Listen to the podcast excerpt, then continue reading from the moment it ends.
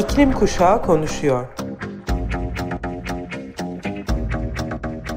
Hazırlayan Atlas Sarrafoğlu.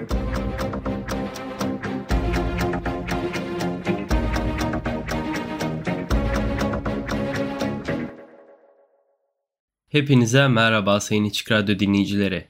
İklim Kuşağı Konuşuyor programına başlıyoruz. Bugün konumuz tabii ki bütün yılın en beklenen iklim zirvesi olan COP28 ile ilgili olacak. Öncelikle birkaç gündür hastayım o yüzden lütfen sesimin kusuruna bakmayın. Taraflar Konferansı olarak da bilinen COP28 bu sene Birleşik Arap Emirlikleri Dubai'de yapılıyor. Bu sene zirve ulusal petrol şirketi ADNOC'un CEO'su olan Sultan El Jaber tarafından yönetilecek. Öncelikle zirveye başkanlık yapacak olan ismin açıklandığından bu yana özellikle iklim aktivistleri bu konuda seslerini yükseltmeye ve itiraz etmeye başlamışlardı. Fosil yakıtların bırakın iklim zirvesi başkanı olmayı iklim müzakerelerinde bile yeri yoktur. Liderlik eden kişilerin bizi aktif olarak iklim krizine daha da sürüklediğini bilerek Birleşik Arap Emirlikleri'ndeki COP28'de kötü bir oyun oynandığını düşünüyorum. Bir an önce fosil yakıtların artık aşamalı olarak kullanımdan kaldırılmasını bekliyoruz. Fosil yakıt şirketlerinden yetkililerin bugüne kadar COP koridorlarında dolandığına bizzat şahit oldum. Hatta beni o kadar rahatsız ediyor ki bir söylem geliştirmiştim. Eğer bir sıtma zirvesi yapsak bu sıtmaya sebep olan sivrisineklerini davet eder miydik bu zirveye? Diğer iklim aktivistlerinden de bu benzer benzetmeler duydum. Tavuk kümesini tilkilerin korumasına benzer laflar duymuştum. Bu en sevdiklerimden biri. Oysa şimdi olay bir adım daha ileri taşındı ve sıtma zirvesinin başkanı bir sivrisinek oldu. Bir de üstünden geçtiğimiz pazartesi günü COP28 ve fosil yakıt CEO'su hakkında korkunç bir gerçek ortaya çıktı. Dubai'de dün başlayan Birleşmiş Milletler İklim Zirvesi'nin ev sahibi Birleşik Arap Emirlikleri'nin ulusal petrol ve gaz şirketleriyle anlaşmaları teşvik etmek için e, diğer ülkelerle iklim toplantılarını kullanmayı planladığı ortaya çıktı. İlk olarak BBC tarafından bildirilen söz konusu toplantılarda EDNOC'un bu ülkelerle petrol ve doğal gaz kaynaklarını çıkarmak için çalışmak istediğini belirten 15 ülke ile ilgili konuşma notları yer alıyor. Yani hikaye oldukça basit. Birleşik Arap Emirlikleri petrol anlaşmaları yapmak için COP28 iklim görüşmelerini kullanmayı planlamış zaten. Yani sivrisinek zirvesi olarak bakarsak kanımızı emmek için daha iyi yollar bulmak amacıyla sivrisinekler arkamızdan örgütleniyorlar. İki hafta sürecek olan Birleşmiş Milletler İklim Zirvesi'ne yüzlerce dünya lideri, binlerce aktivist, kampanyacı, kar amacı gütmeyen kuruluş ve STK katılıyor. Katılımcılar bugüne kadarki en kapsayıcı Birleşmiş Milletler İklim Değişikliği Konferansı vaatleriyle dünyanın karşı karşıya olduğu en büyük güçlükler konusunda seslerini duyurmayı umuyor. Çoğu için iklim adaleti, eşit temsil ve dezavantajlı topluluklar için finansman Dubai'deki başarının ölçütleri olacak. Ancak fosil yakıtların etkisi konusundaki tartışmalar artarken başarılı bir COP28 nasıl olabilir ve hala başarılabilir mi hep birlikte göreceğiz. Euronews'un aktardığına göre iklim politikasının gizemini ortadan kaldıran ve iklim değişikliğiyle mücadelede gençleri güçlendiren gençler tarafından yönetilen ve kar amacı gütmeyen Climatalk'un kurucusu ve CEO'su Emma Haling COP28'e katılanlar arasında. Haling Bizim için COP28 lobilerin gücü, paranın gücü ve siyasetin dar görüşlülüğü yerine bilimin, gençlerin ve iklim değişikliğinden en çok etkilenen bölgelerden gelenlerin seslerinin sonucu belirlenmesi halinde başarılı olacaktır diyor. Tüm bu karmaşanın üzerine iklim zirvesinde 20'den fazla sponsorun sadece bir tanesinin net sıfır bilimsel tabanlı hedeflere imza attığı haberi de dün yayımlanmıştı. Tüm sponsorların iklim kayıtlarının bağımsız doğrulayıcısı olan küresel muhasebe firması EY, eski adıyla Ernst and Young da net sıfır hedef planına imza atmayan şirketler arasında. The Guardian'ın aktardığına göre aralarında petrol sahası hizmetleri şirketi Baker Huggs'ın yanı sıra Bank of America'nın da bulunduğu kurumsal sponsorların çoğu herhangi bir zaman diliminde emisyonları net sıfıra indirme taahhüdünde bulunmadı. Sadece yenilenebilir enerji şirketi Iberdrola bilimsel tabanlı hedefler programının onaylanmış bir üyesi ve emisyonlarını azaltmak için tam olarak taahhüt edilmiş bir hedef tarihi de var. Yani sponsorların çok azının net sıfır hedeflerine imza atmış olması ve sponsorların iklim taahhütlerini doğrulamak için seçilen İYİ'nin kendisinin de imza atmamış olması bunun sadece yeşil göz boyama olduğunu da bizlere gösteriyor. Yeşil Gazete'de Doktor Ezgi Ediboğlu Sakowski'nin kalem aldığı ve COP28'den nelerin beklenebileceğine ilişkin değerlendirmelerine bir bakalım istiyorum. COP28'e damga vurması beklenen konular arasında ilk defa bu sene yayınlanacak olan küresel durum değerlendirmesi raporu arttırılmış yenilenebilir enerji ve enerji verimliliği hedefleri, fosil yakıtlardan çıkış tartışması ve iklim finansmanı ile ilgili süregelen sorunlar yer alıyor. Ayrıca tarım sektörünün emisyonlarının azaltımı konusunun ilk kez iklim değişikliği bağlamında tartışılacak olması da ilgi çeken başlıklar arasında yer alıyor. Her 5 senede bir yayınlanması öngörülen küresel durum değerlendirmesi raporlarının ilki COP28'de tamamlanacak. Bu rapor iklim değişikliğiyle mücadelede ulusal olarak değil, küresel olarak ne kadar aşama kaydedildiğini, sera gazı emisyonlarının azaltımı, iklim değişikliğinin etkilerine uyum, iklim finansmanının sağlanması gibi farklı başlıklardaki mevcut durumu tespit etmeyi hedefliyor. Bu raporla amaçlanan mevcut durumu devletlere netlikle göstererek daha ciddi hedefler belirlemelerini sağlamak. Nitekim Eylül ayında yayınlanan küresel durum değerlendirmesinin teknik raporu 1,5 derece hedefinden çok uzakta olduğumuzu ortaya da koyuyor. Yine bu yıl sunulan ulusal katkı beyanları sentez raporuna göre ise bütün hedefler uygulansa dahi 2030 yılında emisyonlar 2019 yılına göre yalnızca %2 azalacak. Oysa hükümetler arası iklim değişikliği paneli yani IPCC bilimsel analizine göre küresel ısınmayı 1,5 derece ile sınırlandırmak için 2030 yılına kadar emisyonların %43 oranında azalması gerekiyor. Rapor büyük bir netlikle enerji sektörünün karbonsuzlaşma zorunluluğunu ifade ediyor. Peki bu mümkün mü?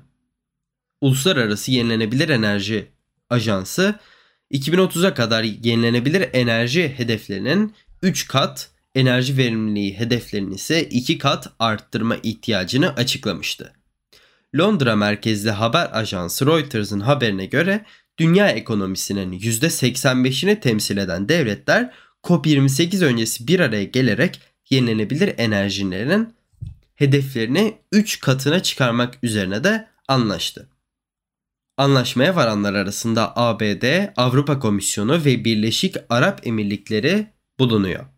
Bu anlaşmanın fosil yakıt enerji ve özellikle de kömürden üretilen enerji yatırımlarını azaltmayı da hedeflediği belirtiliyor.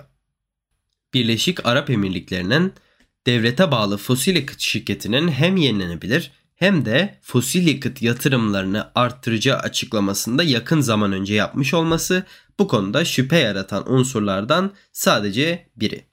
Fosil yakıtlardan çıkış hususu COP28'de ciddi anlamda tartışıldığında Birleşik Arap Emirlikleri'nin nasıl bir tavır tıkınacağı belirleyici olacak. Fosil yakıt üretimi ekonomilerinde cidden büyük pay sahibi olan Rusya ve Suudi Arabistan gibi başka ülkelerinde fosil yakıtlardan çıkışı onaylamadıkları duyumlar arasında yer alıyor. Öte yandan Çin ve Hindistan gibi sera gazı salımları yüksek ülkelerin tavrı ise merak konusu. Örneğin Çin'in kömür yatırımları devam ediyor. Bu konunun COP28'in en çok tartışılan meselesi olması bekleniyor ve bahsi geçen anlaşmanın COP28'e damgasını vurması kesin gibi. Anlaşmanın COP28'de şeffaflık kazanması sonucunda Türkiye'nin bu anlaşmadaki yeri de belli olacak. Ulusal Enerji Planı altında elektrik sistemini 2035'e kadar ciddi anlamda karbonsuzlaştırmayı öngören Türkiye kömüre hala yatırım yapması ve doğal gaza olan ihtiyacı sebebiyle eleştiriliyor. Bu plan aynı zamanda güneş enerjisi kapasitesinin ciddi ölçüde arttırılmasını öngörüyor. Yeterli olmasa da rüzgar ve batarya teknolojilerini içeriyor ve nükleer vurgusunu arttırıyor. Hem yenilenebilir enerji hem de kömür yatırımlarının arttırımını planlayan Türkiye'nin yenilenebilir hedeflerini 3 katına çıkaracak bir anlaşma altında yer alması kömürden çıkışa doğru bir adım olabilir mi sorusunu gündeme de getirmiyor değil. İklim zirvesinin ilk gününde ise hızlı sayılabilecek bir karar alındı ve gelişmekte olan ülkelere yardım amaçlı kayıp ve hasar fonu açıklandı. Ülkeler daha yoksul ülkelerin iklim çöküşünün etkileriyle başa çıkmalarına yardımcı olmak amacıyla kayıp ve hasar fonunun faaliyete geçirilmesi konusunda anlaşmaya vardı. Uzlaşma haberi delegeler tarafından ayakta alkışlandı. Söz konusu fonun oluşturulması iklim görüşmelerinde uzun süredir bir engel oluşturuyor ve konferansın ilk gününde varılan anlaşma konferansın kapanışına kadar resmi olarak onaylanmayacak olsa da pek çok delege tarafından memnuniyetle karşılandı. Kayıp ve hasar finansmanı sözleşmesine ilişkin bazı önemli noktalar şöyle. Dünya Bankası 4 yıl süreyle geçici ev sahibi olacak ve fonun gelişmiş ve gelişmekte olan ülkelerin temsil edildiği bağımsız bir sekreteryası olacak. Fonun 2030 yılına kadar yılda en az 100 milyar dolar olması konusunda anlaşmaya varılırken gelişmekte olan ülkeler gerçekten ihtiyaçlarını hali hazırda yıllık 400 milyar dolara yakın olduğunu açıklamakta. Yakın zamanda yapılan bir çalışmaya göre iklim değişikliğinden kaynaklanan kayıp ve hasarların maliyeti 2022'de yaklaşık 1.5 trilyon dolara kadar çıkıyor. Fona yapılan ödemeler gönüllü olacak ve gelişmiş ülkeler katkıda bulunmaya davet edilecek, zorunlu kılınmayacak. Gelişmekte olan tüm ülkeler en az gelişmiş ülkelere ve gelişmekte olan küçük ada devletlerine minimum yüzde tahsisi ile fondaki kaynaklara doğrudan erişim hakkına sahip olacak. Hem dünyanın en zengin ülkesi hem de büyük kirleticisi olan ABD'nin kayıp ve hasar fonuna yaptığı nispeten önemsiz katkı ise eleştirildi. ABD, kayıp ve hasar fonu için 17,5 milyon dolar, okyanustaki ada ülkelerine odaklanan Pasifik dayanıklılık tesisi için 4.5 milyon dolar ve iklim krizinden etkilenen ülkelere teknik destek sağlayan Santiago ağı için 2.5 milyon dolar açıkladı. Japonya ayrıca aynı kayıp ve hasar fonu için 10 milyon dolar taahhüt etti. Hali hazırda yaklaşık 300 milyon dolara bulan bu önemli taahhütler diğer zengin ülkeler tarafındaki fona katkıda bulunma baskısını arttıracak. Almanya ayrıca kayıp ve hasar fonuna 100 milyon dolar yatıracağını duyurdu. Birleşik Krallık'ta fon için 40 milyon e, ve finansman düzenlemeleri için 20 milyon sterlin olmak üzere 60 milyon sterlin yani 75 milyon dolar açıkladı. Kayıp ve hasar finansmanı düzenlemelerini kabul edildiğini duyurulmasının hemen ardından görüşmeleri ev sahipliği yapan Birleşik Arap Emirlikleri ise fona 100 milyon dolar bağışta bulundu. Kayıp ve hasar fonun Dünya Bankası'nın ev sahipliğinde yapılması konusunda anlaşmaya varıldı. Ancak geçici olarak ve yalnızca şeffaf ve erişimi kolay bir şekilde işlediği sürece görev için uygun olmadığı ortaya çıkarsa işi yapmak için ayrı bir kuruluş yapılandırılacak. Peki neden COP28'de alınacak kararlar bu kadar önemli diye bakacak olursak, ilk olarak Dünya Meteoroloji Örgütü'nün küresel iklimin durumu 2023 raporuna bakmamız gerekiyor. Rapor Ekim sonuna kadar olan verilerin bu yıl küresel ortalama sıcaklıkların sanayi öncesi dönem 1850-1900 ortalamasının yaklaşık 1.4 derece üzerinde olduğunu ortaya koyuyor.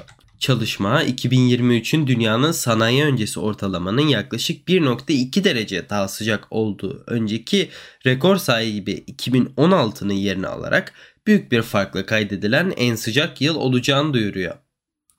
Rapor bugün Dubai'de başlayan Birleşmiş Milletler Yıllık İklim Zirvesi COP28'de fosil yakıtlarından aşamalı çıkış kararını ele alacak dünya liderleri için de önemli mesajlar içeriyor.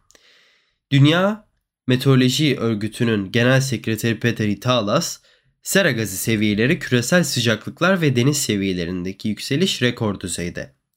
Antarktika'da ise deniz buzu rekor düzeyde düşük dedi. Ancak raporun bulgusu dünyanın bilim insanlarının 2015 Paris Anlaşması kapsamında yıkıcı iklim değişikliğini önlemenin tavanı olduğunu söylediği gibi 1,5 derecelik uzun vadeli ısınma eşiğini geçmek üzere olduğu anlamına da gelmiyor dedi.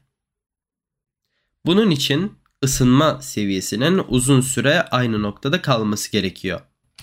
1.4 derecelik bir yıl 1.5 dereceyi kalıcı olarak geçmenin ne anlama gelebileceğine dair korkutucu bir ön izleme sağladı.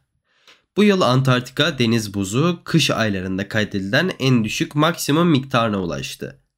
Raporda İsviçre buzullarının son 2 yılda kalan hacminin yaklaşık %10'unu kaybettiği belirtildi. Orman yangınları Kanada'da rekor bir alanı yaktı. Bu da ülkedeki ormanlık alanların yaklaşık %5'ini oluşturuyordu. Bilim insanları El Niño'nun etkilerinin bu kış zirveye ulaşacağını ve 2024'te daha yüksek olacağını yol açarak gelecek yılın daha kötü olabileceğini söyledi. Bu hafta için Extinction Rebellion üyesi olan sanatçı Louis Harris'ten seçtiğim şarkı We Tried yani denedik. Sözlerini şimdi sizinle paylaşmak istiyorum Türkçe olarak.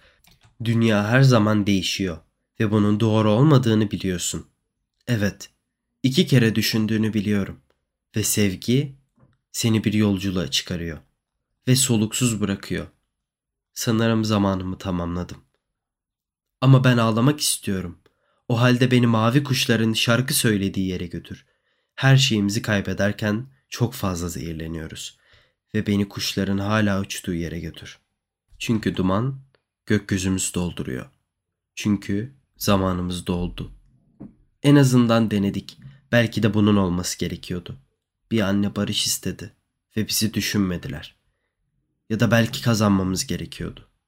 Ama yeterince iyilik güneğe bastıramadı. Dünyanın çöküşünü izlediler. Ama ben nedenini çözemiyorum. En azından denedik. Sizi We Tried ile baş başa bırakıyorum. Programı kapatmadan da sizinle paylaşmak istiyorum. Gelecek hafta Cuma günü COP28 üzerinde konuşmak için Youth for Climate ekibimizden iklim aktivisti Seren Anaçoğlu da benimle birlikte olacak. İklim Kuşağı Konuşuyor programını dinlediniz. Ben Atlas Sarrafoğlu. Haftaya tekrardan Cuma günü saat 2'de görüşünceye dek kendinize, sevdiklerinize ve bize çok ihtiyacı olan güzel gezegenimize siz de çok güzel bakın. Görüşmek üzere.